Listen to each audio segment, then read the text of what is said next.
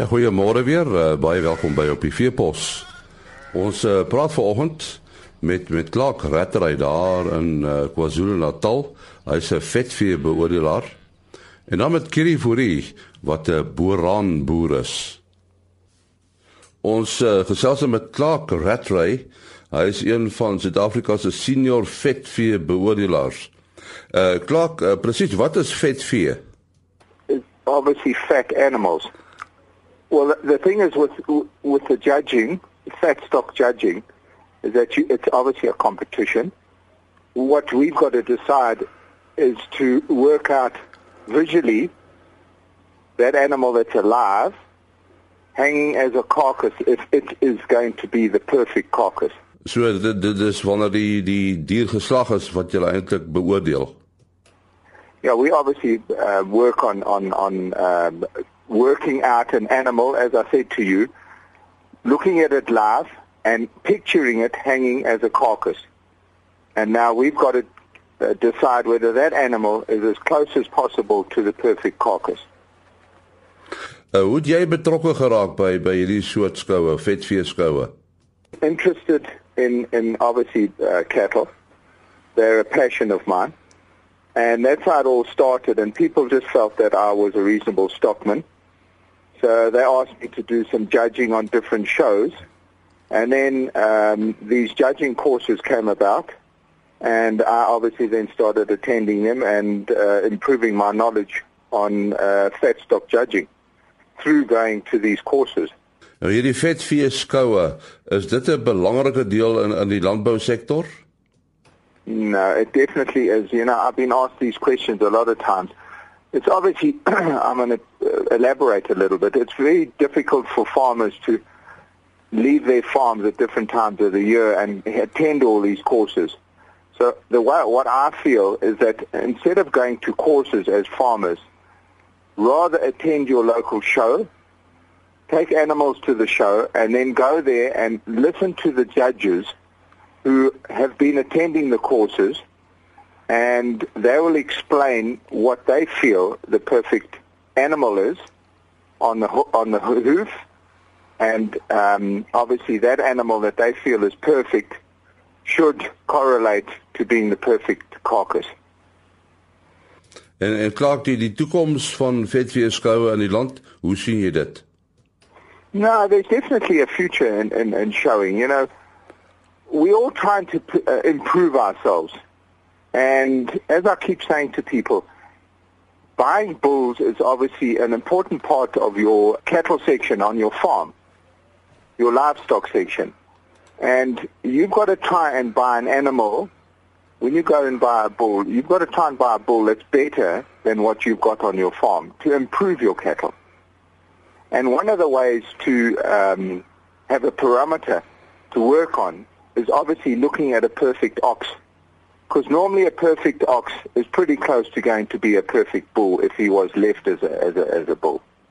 So in that way, you can learn, all right, that is what a perfect ox must look like. I must look for bulls that fit that category. And those are the animals that I must try and buy to improve my animals on the farm. Nou goed, jy jy is self 'n boer. Uh, Watter omgewing boer jy? I farm in the Swartberg area, which is in Natal.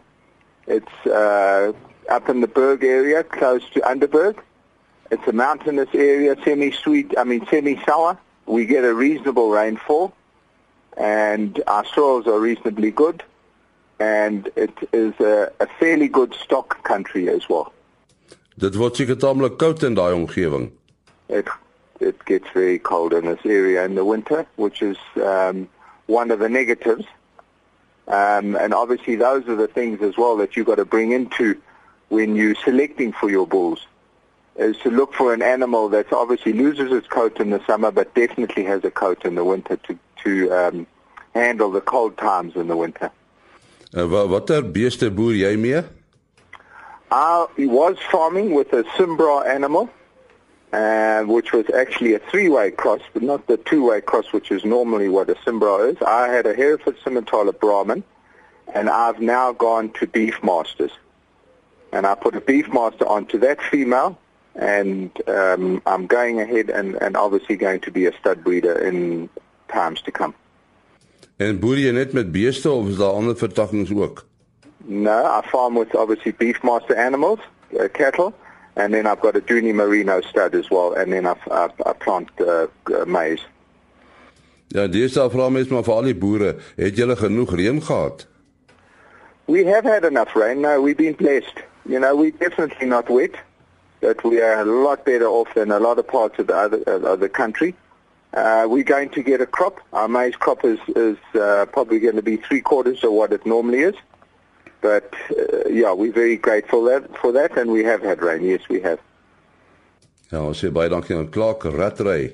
Hy is 'n senior vetveebeoordelaar. Ons uh, gesels ook vanoggend met uh, Kiri Fourie. Hy is een van die top boeran boere in die Boeran Beestelersgenootskap. Wel Kiri, eh, 'n vraag wat 'n mens gewoonlik vra, hoekom die Boeran ras? Hoekom boer jy met die beeste? Kom ek sê vir jou ja. Uh, dit is 'n goeie vraag wat jy het en dit sal my lekker wees om om te antwoord. Uh eerstens sy gehardheid. En sy gehardheid kom nou baie sterk deur nou met die droogtes wat hier in ons noord in die noordwes is en oor groot dele van die land. Uh nog 'n rede, sy ehm uh, goeie moedereienskappe. Uh hulle is, as jy in jou plaas inry by jou kampe, hulle is altyd bymekaar trop verband. Nog 'n goeie rede hoekom ek met hulle boer, hulle weerstand teen siektes, borsluise, uh doen hulle ook baie goed op ja. Dis mos 'n inheemse dier, né? Nee? Dis 'n Afrika bees, dis reg en hy is dis 'n suiwer ras, dis nie 'n kruisras nie. Twee uh, hoofkomponente waarvan af hulle kom is maar uh, jou uh, jou Kenia uh, genetika uit Kenia uit en uit Zambia. Nou die die manne is uh, blykbaar geneig om om liewer 'n medium raam te hê as as 'n groot raam. Ek weet nie wat is die boran? Uh jou jou boran is 'n uh, medium raam. Dis 'n medium raam. Uh in vergelyking met jou groter koeie en goed waar jy sê byvoorbeeld altyd 1 op 10 100 koeie op 1000 hektaar hardloop, kan ek hier na 140 uh koeie op 1000 hektaar gaan. En en hoe lank is jy nou al doenig met die boerhane? Uh so plus minus 6 jaar. Uh het jy eers ander diere gehad? Ek was net in die kommersiële mark, uh Simbras, uh met Charolais binne waar dit altyd vir my gegaan het oor 'n speenkalf wat elke boer seker nou streef om 'n goeie speenkalf op die grond neer te sit, maar wat die boeraan vir my baie goed doen is sy kruissteling vermoë. Wat jy op enige ander kommersiële koei daai uh, stoetbille kan opsit en nog steeds 'n baie baie goeie speenkalf kry met 'n goeie speengewig, outomaties bietjie ligter as jou ander rasse maar met die hoeveelheid kalletjies wat jy dan nou meer kry oor jy met 'n medium ram sit, klop jy klop jy som op die einde van die dag. So jy sal 6 jaar aan die gang met die diere. Hoeveel het jy op die oomblik? Uh die kiras uh, boerangstoetry bestaan omtrent so plus minus 600. Plus minus 600 650 uh boerane. Is is dit wat jou plaas kan dra? Uh ja, dis reg. En jou toekomsplanne met hierdie stoet? Toekomsplanne is om hom net nog steeds te verbeter, op verbeter en te verbeter. Ek was ek het te doen gehad met embryo spoelings ook waar hy weer lekker met genetika kon rondgespeel het. Nou om 'n lang storie kort te maak, dis my fokus om vleis op die tafel te sit. Ja, natuurlik die pryse is nou die hoogte geskiet met die droogte, né? Dit is so, dit is so. Die borange die tyd toe ek aange my aankope gedoen het of toe ek gekoop het, was hy baie duur waar my bure en baie teelers rondom ons en rondom in die, in, in die land gesê het hy is te duur, jy kan hom nie bekostig nie. Het die boeran se pryse ook gestabiliseer en ek ek sal hom vir enige kommersiële boer vandag aanbeveel.